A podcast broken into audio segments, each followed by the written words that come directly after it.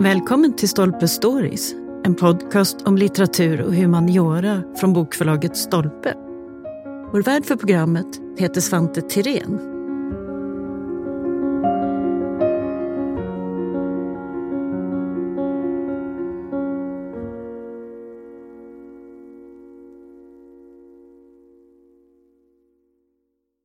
Idag är det inte särskilt många som tror på skogsrån, Näcken eller hustomten. I alla fall inte som erkänner det öppet. Däremot kan många faktiskt känna sig övertygade om att ett träd, ett hus eller ett djur är besjälat eller har andra typer av andliga egenskaper. Och kanske är det just den här typen av föreställningar som är vår tids folktro. En som vet mer om det här det är David Turfjell. Han är professor i religionsvetenskap och en av författarna till boken En besjälad värld. Han är med oss här i studion idag och ska berätta mer om just modern folktro och naturens stora roll i vår föreställningsvärld.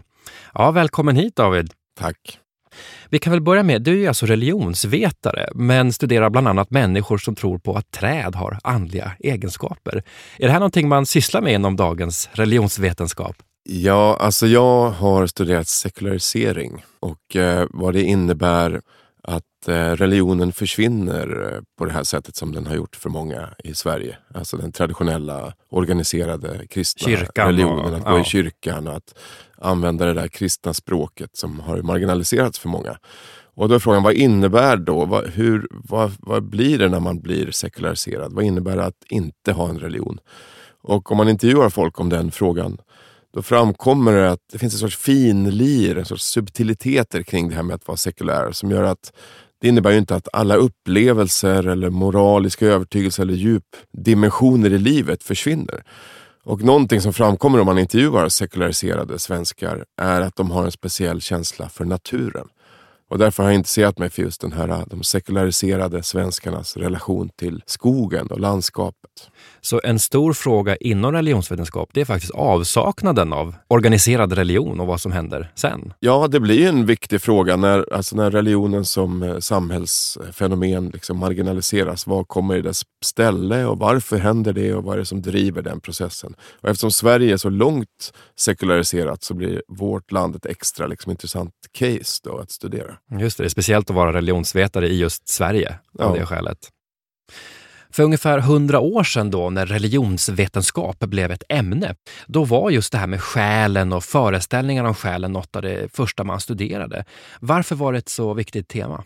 Det var ju så här att när religionshistoria och religionsvetenskap växte fram som vetenskap, då gjorde man ju det som man gjorde i alla vetenskaper. Att man börjar med att liksom göra någon sorts katalog över det man ska studera. Så man tänker sig då inom medicin, ja, då har man anatomin där man går igenom alla organ och det här står för det och det här är det systemet och nervsystemet och blodsystemet och vad man nu har.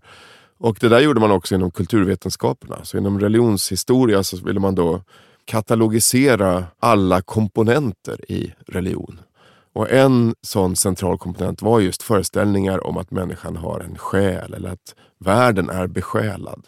Att det finns en, liksom en osynlig komponent i det som finns. Och det här är någonting som finns i jättemånga olika kulturer och traditioner genom historien och som man tänker sig att man skulle studera. Så att det var lite huvudfokus då. Så att när religionen blir föremål för vetenskapliga studier, så att säga, det är just själsföreställningarna en kärna kan man säga i, i allt det här. Ja, det var det i början där. Det var inte bara det. Det fanns också så här dödsrikesföreställningar och ritualer och äktenskapsritualer och begravningsritualer. Ma- Massa olika saker. Men en viktig sån grundkomponent var just det här med själsföreställningar. Mm. Ett annat ord som vi kanske borde ta upp här från början, det är ju animism. Kan du berätta lite vad, vad det är och hur det ordet kom till? Ja, alltså animism betyder helt enkelt föreställningen att någonting har en själ. Och då tänker man sig då att en, en animistisk eh, världsbild där ser man ju då till exempel att träd är besjälade, att kanske solen är besjälad, att en sten är besjälad. Och i det här tidiga religionsstudiet och religionshistoriska studiet på slutet av 1800-talet då tänkte man sig att det hade skett en sorts evolutionär utveckling. Att urtidsmänniskan hade liksom bara varit ett sorts djur. Sen blev det här djuret medvetet och sen så i den här någon sorts stenålderskultur så blir man plötsligt känner man någonting. Liksom man känner åskan och man bävar inför naturens kraft. Och så tänker man sig att de olika eh, naturfenomenen som man ser också har en själ, precis som vi människor har en själ. Då. Så det är liksom det första uttrycket för religiositet. Och sen så utvecklas det här, tänkte man sig då, på en sorts trappstegsskala då, där man blir mer och mer avancerad. Så till slut så de här, att allting är besjälat går vidare till att man börjar tänka sig att det finns massa olika gudar och sen så leder det här fram då till en monoteistisk världsbild. Och så slutar det med kristendomen tänkte man sig då. Mm. Eftersom det var en väldigt så här kristendomscentrerad forskning det här. Så man såg kristendomen som den bästa formen. Så att allting leder fram till någon sorts kristen monoteism. Och då i det skedet då, så var animism någonting primitivt och liksom förhistoriskt framförallt. Så då var det lite värdeladdat på ett eh, lite förutbestämt sätt? Ja, verkligen. Säga. Och det var en, man såg det också som en sorts missuppfattning av naturen. Att man liksom, den primitiva människan förstår inte riktigt vad den ser runt sig. Så att man tänker sig att om man ser ett träd att det också har en själ. Då, eller man ser ett åskväder och så kan man ingenting om meteorologi så man tänker att det här måste vara någon som har skickat det här åskvädret och det måste väl vara någon sorts åskande då. Ungefär så. så det var lite naivt, man såg lite ner nästan ja, på, precis. på det här? man såg det som ett uttryck för primitiva vildar ungefär. Men idag är animism ett ganska neutralt begrepp. Det är ett samlingsbegrepp för olika föreställningar av den här typen. Eller hur, hur använder man ja, animism det, idag? Det som hände var ju att när man insåg då att det här var ju ett nedlåtande begrepp, ett pejorativt begrepp, då slutade man ju använda det någon gång på liksom 70-80-talet. Och vad som händer sen är att den ekologiska vändningen kommer, och den ekologiska krisen och det växer fram en insikt om att den här moderna kristna och modernistiska synen på naturen har lett oss ganska fel. Alltså det är en miljöförstöring ändå, är det stora exemplet på det här. Och då sker en sorts uppvärdering av de här kulturerna som har haft en annan syn på naturen, som har tänkt sig att världen finns här och det är olika sorters arter som, och varelser som tillsammans delar den här planeten. Så plötsligt börjar man se ett värde i det där och då återkommer det här att tillskriva naturen ett egenvärde och en egen liksom, själslig... Eh, till exempel att en skog är värd någonting, inte bara för att den kan ge oss människor virke och villebråd, utan i sig själv på något vis. Den har ett egenvärde. Mm. Och den politiska tanken är ju då ganska snarlik den här gamla, som man tidigare hade sett som en primitiv tanke, att naturen är besjälad. Det finns i fall en koppling där. Så plötsligt så återupprättas de här animistiska hållningarna på något vis. Och eh, många som har en animistisk uppfattning själva använder det begreppet med stolthet. Mm. Om vi kommer in då mer konkret på det här med, med dagens animism eller folktro eller vad vi nu ska kalla det då. Det här otroliga kopplingen till naturen och att man, man upplever saker besjälade. Det kan ju vara att man vandrar genom ett storslaget eh, fjällandskap till exempel, där man plötsligt känner djupa existentiella känslor och så vidare. Är det här ungefär samma mekanism eller hur, hur fungerar den här liksom, naturtron Ja, då är det viktigt att betona att om vi pratar om sekulära personer, alltså den någon sorts svensk mainstream befolkning som ser sig som sekulär och som inte är troende då i någon sorts konventionell bemärkelse. Och jag har intervjuat många som tillhör den gruppen. Då är det ju väldigt ovanligt att man skulle säga att man tror att till exempel ett träd är besjälat. Eller liksom att, att man tror på det i någon sorts vetenskaplig på något vetenskapligt sätt eller att man verkligen tänker sig att det här skulle vi kunna pröva. eller så här. Men däremot så har man en sorts upplevelse. Om man går genom skogen och så kommer man till stora mäktiga träd som är där. Då kan man känna liksom, ungefär som att man vet att det är på låtsas eller på lek. eller så här. Men man kan känna att de där träden är vänliga själar som omger en. Man kanske kan krama ett träd till exempel eller klappa det lite. så här. Det är inte så att man tror att det är någon, någon där inne som hör.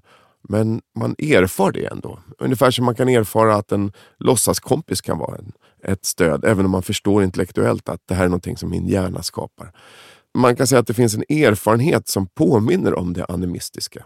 Även hos folk som är väldigt sekulära. Så för många är det så att man, kan, man är villig att berätta om en upp, stark upplevelse man haft och, och så, men man, men man kanske undanskyller den lite grann samtidigt som att man förstår att det inte är riktigt? Eller det är någon slags... Ja, i de här intervjuerna som vi har gjort, då är det ofta att man eh, skrattar lite eller man gör såna här citattecken med pekfingrarna. Och, och hela tiden markerar språkligt hela tiden att man är medveten om att det här är någonting som är lite konstigt. Det är också ofta kopplat till en sorts barndomskänsla. För många som går ut i skogen kommer i kontakt med en sorts barndomsupplevelse. Alltså för att man upptäckte skogen när man var liten, man lekte där eller man var där ute med sin morfar eller vad det kan ha varit. Och Då får man en kontakt med den där barndomsjaget på något vis. Mm. Den man var när man var oförstörd i sin barndom och hade en sorts lekfull attityd. Och Då kan man också ha man lite lättare till att gå in i de där lekfulla stämningarna. Och En del av det kan vara att, att världen är förtrollad och magisk och att träden är som mäktiga gestalter liksom, som man kan interagera med på olika sätt. Så att å ena sidan berättar man om det här, men å andra sidan så är det också viktigt att gardera sig. Ja, och det är för att man är på båda nivåerna samtidigt. Det finns en erfarenhetsnivå och det finns en vad man håller för sant om verkligheten. Och Det här väcker då en annan fråga, nämligen hur var det förut då för de här animisterna som man tänker sig tidigare i historien eller i andra delar av världen där det finns animistiska religioner. Och Då måste man inse att det kan ju också vara så att hela den här det här vetenskapliga tänkandet, att försanthålla någonting, att vad tror jag är sant, vad håller jag för sant, vad tänker jag är rimligt. Att det är någonting som inte alltid har varit så viktigt för människor. Så att eh, om man skulle fråga en animist då, i Amazonas, om, om vi nu använder ordet animist, en person som tänker sig att, att skogen är besjälad och relaterar till olika personer i naturen ja då kanske hon eller han inte skulle vara så mån om att lyfta fram det här. Att det här, jag håller det här för sant på ett vetenskapligt sätt. Så det kanske är så att det kanske handlar om en erfarenhet och en estetik och ett sätt att eh, en moral och en etik kanske även hos den där eh, ursprungsanimisten. Och då är det inte så otroligt stor skillnad på de här sekulära svenskarna och de här animisterna i Amazonas som man skulle kunna tro. Mm. I den här boken då, En besjälad värld, så beskrivs ju folktro ur massor av olika perspektiv, genom olika mm. delar av historien och så. Men något som återkommer det är just att det finns mönster och motiv som är gemensamma, som repeteras på olika sätt.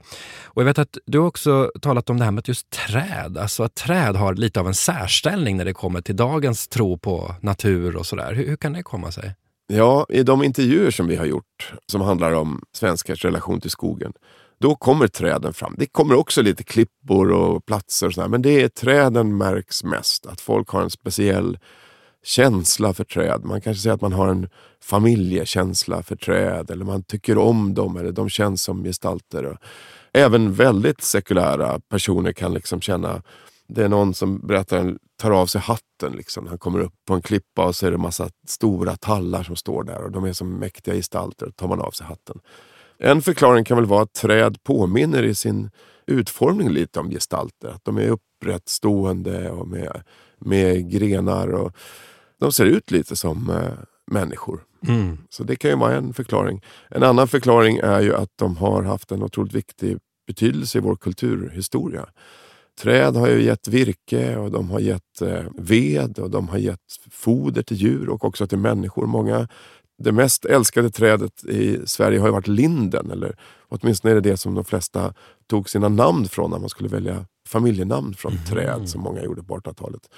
Och linden har ju också blad som går att äta. Det var ofta vårdträd. Man, man älskade de här träden liksom, kulturhistoriskt. Man gjorde verktyg, man gjorde konstverk av dem. Så vi har interagerat väldigt mycket med träd. Och eh, det kanske speglar det också. Ja. Och inte bara enskilda träd, skogen som helhet är också viktig i det här, och något som många pratar om. I texten så kallar du skogen för ett exempel på en så kallad kontrastplats. Vad är det för någonting? Ja, det där har att göra med då den moderna urbana människan. Därför att de flesta svenskar idag, då, och det här handlar om Sverige, då, även om det gäller samma i andra nordiska länder på många andra håll i världen också Eh, Eh, de flesta svenskar idag är ju urbana. Vi bor eh, i städer. Över 90 procent av svenskarna bor i städer. Vi är väldigt lite ute i naturen. Jag såg någon uträkning som var ungefär sju minuter per dag i genomsnitt. Så vi är, inte, vi är inte i skogen hela tiden. Och även de som ser sig som friluftsmänniskor och som har liksom eh, ryggsäck och vandringskängor hemma i garderoben kommer inte ut så otroligt ofta, utan det är vid enstaka tillfällen.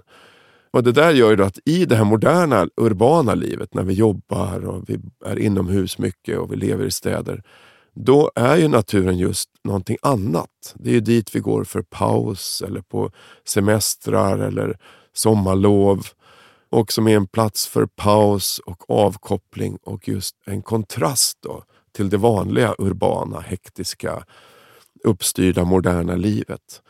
Och just det här att det är en kontrastplats då på det sättet, att en kontrast till det vanliga, gör att den platsen, då, skogen och landsbygden också på ett sätt, kan få fyllas med allt det där som inte ryms i det vanliga moderna livet. Till exempel vissa känslor och stämningar och livsupplevelser som vi inte tillåter oss ha i det moderna urbana livet. Bland annat att världen är förtrollad och lite andlig och speciell och sådär. Så att eh, man kan säga att det andliga och lite vidskepliga kanske visst jag skulle säga, det här liksom förtrollade, det förskjuts i den moderna tiden till en privat sfär som är fritiden och som också är kopplad till naturen. För vi går dit på fritiden och som en paus, inte som en del av vardagslivet.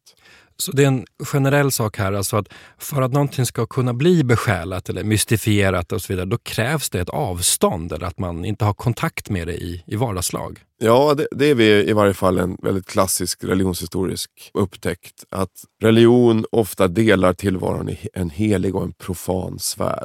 Där det profana är det vanliga och det som vi håller för heligt är ofta omgärdat. Då. Och det här gäller i kristendom, och judendom och islam men också i de tusentals andra religiösa traditioner som finns i världen. Alltså det som är heligt är också kopplat till någonting som är lite förbjudet. Det är omgärdat av tabun, man får inte gå dit, man får inte bete sig som man gör som vanligt när man går till helgedomen, om det är ett tempel eller en helig plats. Så att för att någonting ska vara heligt så måste det vara lite hemligt och förbjudet. Mm. Och I analogi med det kan man säga att skogen kan bara bli, eller den blir en helig plats i den vår moderna tid först när vi avskiljs från den. När folk jobbade i skogen och levde där och åt sina, alla sina mål i skogen och jobbade, liksom slet där hela tiden och levde i omedelbar interaktion med landskapet hela tiden. Ja, då var det inte förtrollat på samma sätt. Men det är inte helt lätt för att även i det liksom naturnära bondesamhället så fanns det ju massa idéer om en förtrollad natur. Men det var oftast naturen som var lite längre bort, djupare in i skogen, uppe i bergen. Ja, det var inte den närmsta skogen utan det var avstånd ja, igen på något det sätt? Det kanske man kan säga i fall. För kanske Tora Wall skulle inte hålla med där. För det fanns ju också den här, en besjälande av det som fanns allra närmast mm. kring, kring, knuten. Men det, en, det, finns i varje fall en koppling mellan det avskärmade. Ja, just det, en laddning i det, det osynliga ja. eller på något sätt lite otillgängliga. Ja, precis. Hur påverkar de här föreställningarna vår liksom nationella självbild? Är det så att vi svenskar känner en viss gemenskap kring det här med att tro på besjälad natur till exempel? Ja, hela den här frågeställningarna och hela frågan om naturen är starkt kopplad till nationell identitet. Och Det har att göra med att i det nationalromantiska projektet, alltså när Sverige, berättelsen om Sverige skulle liksom formuleras som ett svar på industrialiseringen och moderniseringen vid förra sekelskiftet. Då valde man att lyfta fram naturen som en väldigt viktig del av en sorts svensk folksjäl på något vis. Man talar till och med om naturnationalismen som en svensk typ av nationalism. Det vill säga i berättelsen om Sverige som kom från läromedel och i nationalromantiska konstverk och böcker och, och poesin så var den här just kop den nära, nära kopplingen till naturen något som man lyfte fram. Och det berodde förstås dels på att det fanns en sån koppling sedan tidigare i historien. Men också för att man var tvungen att hitta någonting som eh, kunde ena hela folket. Det finns en, en politisk aspekt av det där som är att man hade ju sett inbördeskrig i både Ryssland och Finland i början av 1900-talet mellan klasser. Det fanns en sorts klasskampsdefinierad konflikt i samhället som kunde ha brutit ut med full kraft även i Sverige. Och då fanns det en tanke att naturen var liksom en plats där med allemansrätten och det här. Det var någonting där både liksom överklassen och eh, arbetarklassen kunde förenas. Vi alla älskar att gå i skogen. Och det är faktiskt en sån klassövergripande kärlek till med olika, med liksom skogsmulle och ett friluftsliv på, liksom på ena sidan och eh, nationalromantisk naturlyrik på andra sidan av eh, liksom, Eh, det politiska spektrat. Så naturen är en plats som förenar många delar av det svenska samhället. Mm. I texten skriver du också om det här fenomenet med att vi ibland i en riktigt svår stund faktiskt vänder oss till döda anhöriga. Kan du berätta mer om hur det där går till? Ja, det är en intressant aspekt av sekularitet, alltså de, folk som är väldigt sekulära, det är att man fortfarande pratar med döda anhöriga. Och det där kan vara ett exempel på hur gränsen mellan det här det religiösa och det sekulära inte är så, när det gäller erfarenheter, inte är så tydlig som man skulle kunna tro. Därför att vi säger att en väldigt vanlig praktik då bland sekulära svenskar är att man besöker sina dödas gravar. Och så går man där till sin mammas grav eller vad det kan vara och så lägger man en blomma och sen så kanske man pratar lite med mamman. Och Det där innebär ju inte att man skulle skriva under att jag tror att mamma hör vad jag säger. Återigen handlar det inte om det. Precis som med de här, som med de här besjälade träden så handlar det inte om att man faktiskt tror på det. Men det känns rimligt för en som en sorts lek eller på låtsas eller som en sorts eh, terapi eller vad man nu ska sätta för ord på det. Att prata med sin döda mamma som om hon fanns. Mm. Så att på en sorts erfarenhetsnivå så har vi tillgång till den typen av upplevelser även om vi inte tror på det. Och eh, Det här är då en nyckel till att förstå religiositet, inte bara bland sekulära utan också bland sådana som vi liksom känner igen som tydligt religiösa personer att det är inte superviktigt att vi skriver under på att vi verkligen tror på de här sakerna för att de ska fungera. Vi kan prata med träd, vi kan liksom lägga, eh, interagera med folk som har dött. Vi kan också använda oss av till exempel astrologi eller leka, prata om astrologi eller använda spådomstekniker. Ja, de kan fungera känslomässigt eller vara intressanta för oss eller meningsfulla på något sätt. Även om vi inte alls tror på dem. Därför att religiositet ligger inte alltid på den här vad vi håller för sant eller tror på eller inte tror på. Utan det ligger på en annan upplevelsemässig, estetisk, erfarenhetsmässig nivå. Och om vi hela tiden stirrar oss blinda på den här, men vad tror vi på, vad tror vi är sant? Ja, då missar vi stora delar av hur vi människor är. Och det är just på, när det gäller religiositet. Och de delarna, den erfarenhetsdelen av religiositet, delar vi kanske med folk som är alltså delar sekulära människor med sådana som är tydligt religiösa. Mm. Man förstår ju att det finns många spännande begrepp och sånt i det här som kanske gemene man inte vet om, men som faktiskt är intressanta. Ett av dem är HADD, HAD, Hyperactive Agency Detection Device. Va, vad är det här? Ja, det här är då ett begrepp som finns inom den så kallade kognitiva religionsvetenskapen. Man kan ta parallellen med språk. Språk är någonting som har gagnats av evolutionen. Vi har överlevt bättre om vi har haft ett språk. På samma sätt då tänker man sig inom den här forskningstraditionen så har vi gagnats evolutionärt av att kunna hysa vissa religiösa uppfattningar. Till exempel att uppleva världen som besjälad. Att uppleva också sådant som rent biologiskt sett inte är besjälat. Till exempel en sten eller ett väder eller något sånt där. Att uppleva det som besjälat är någonting som har gagnat oss evolutionärt.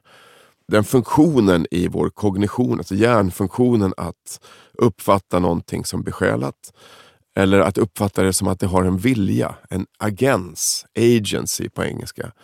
Det kallar man för agency detection device. Det betyder helt enkelt att hjärnan har en benägenhet att uppfatta någonting som att det har en vilja. Och om jag har för mycket av den här att se en vilja hos sånt som lever, då är det liksom hyperaktiv mm. agency detection mm. device, HADD. Till exempel om kopieringsapparaten hakar upp sig på kontoret mm. så kan man tänka att den vill mig illa. Man kan bli arg på kopieringsapparaten. Då tillskriver man kopieringsapparaten en vilja fastän den bara är liksom det är bara en massa komponenter som någon har byggt som liksom inte har någon egen själ. Och till exempel att om det ramlar ner en vas för att det blåser i, i fönstret. Ja, då tänker jag kanske lätt att det är någon snarare än något som har liksom åstadkommit detta. Och varför har vi, har vi överlevt bättre av att ha det här? Jo, det är ganska enkelt. Därför att om du tänker att vi lever på savannen och så prasslar det lite i buskarna om vi då tänker så här, det är nog ingenting, det är nog bara vinden. Ja, då kommer vi inte märka när lejonet, som det egentligen var, kommer. Men om vi har lite för mycket av det här och hela tiden tror att det är andra varelser och andra viljor liksom, som påverkar vår omgivning, ja, då kommer vi vara mer beredda. Just det, det här ligger djupt rotat i den ja, mänskliga naturen. Det är liksom naturen. en djup evolutionär ja. benägenhet. Ungefär som språket eller som att samla på sig mat eller sexualiteten. Det ligger liksom djupt i vår art. Man hade ett annat forskningsläge på 1960 och 70-talet när man tänkte sig att eh, när ett sociologiskt perspektiv som tänkte att eh, religion är något som är socialiserat bara. och som därmed kommer försvinna och som går att utbilda bort. Det var, så tänkte man tidigare. Men nu tänker man sig då att den har en sorts biologisk grund som är svår att ta bort. Mm. Nu lever vi i klimatkrisens tid. Det är undergångstoner av de, de största måtten någonsin, får man väl ja. nästan säga, i historien. Ja, det vet jag um, inte om det är nej, det kanske inte är så. någonsin, men eh, det är stora mått i alla fall. Um, vad, vad händer med naturtro och animism i klimatkrisens tid? Jag tror att det, det stora som händer är att besjälandet av naturen, eller erfarenheten av naturen av, som en personlig plats eller som en besjälad plats också kan ha en, få en juridisk dimension. Alltså att man kan tänka men att någonting är en person, att någonting är personligt, det är ju också faktiskt en juridiskt begrepp. Vi, har, vi är ju personer som enskilda människor. Men vi har ju också andra juridiska personer i vårt juridiska system. Ett företag till exempel kan vara en juridisk person.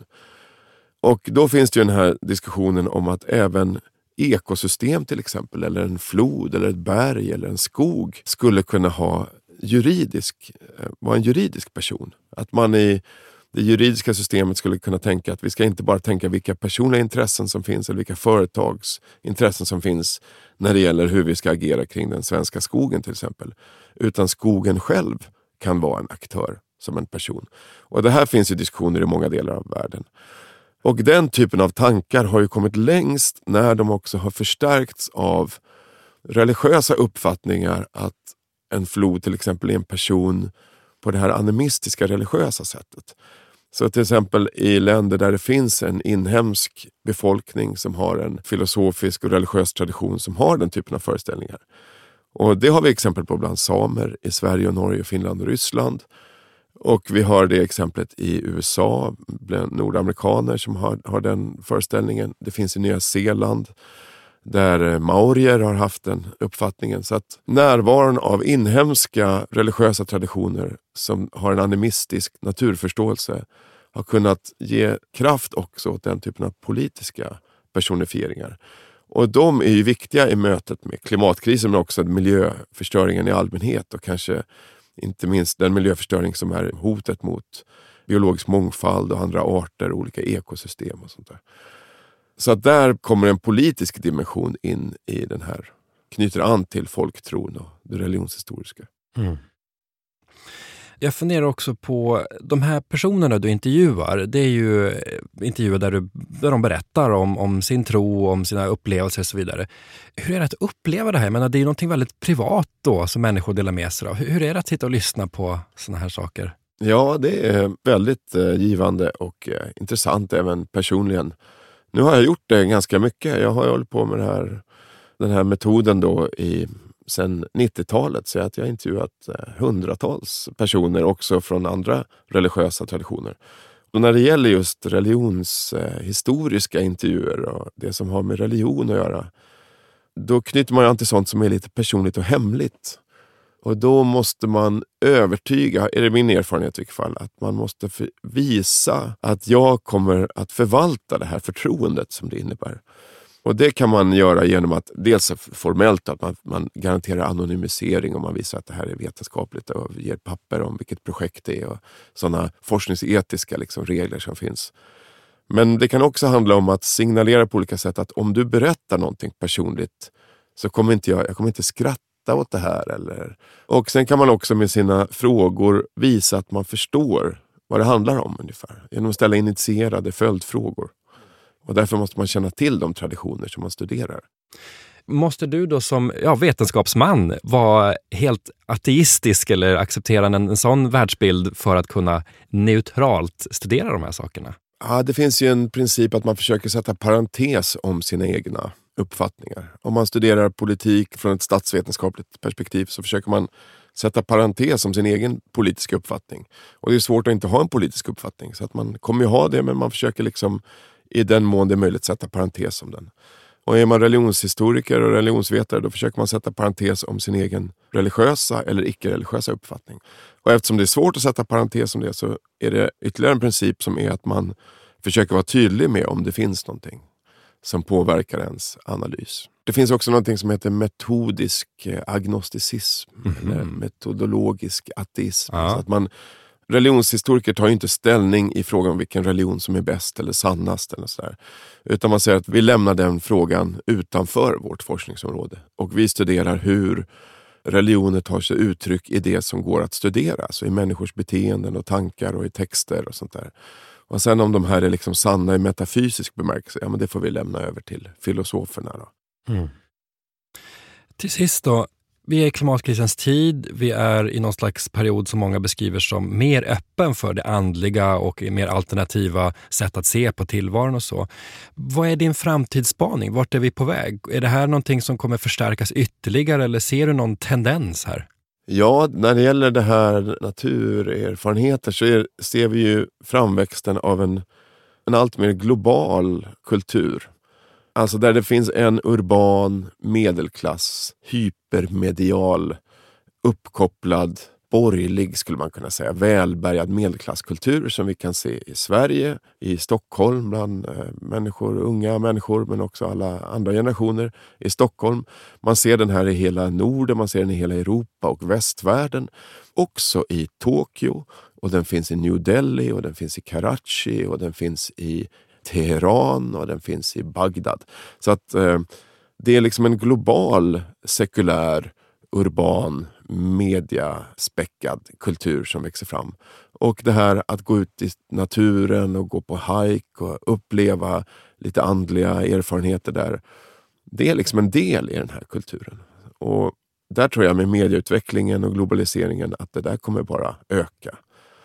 Så att där tror jag vi ser framväxten av en på ett sätt sekulär men också erfarenhetsintresserad kultur. Så det är också intressant att studerar man det här så förstår man också väldigt mycket om vad som händer i världen helt enkelt. Ja precis, det är, alla ämnen fungerar så och religionsvetenskap gör det verkligen. Det är liksom en, ett perspektiv in i mänsklig kultur och samhälle i stort. Så att eh, man börjar med det religiösa men man kommer få syn på massa saker. Mm. Tack för att du kom hit. Tack.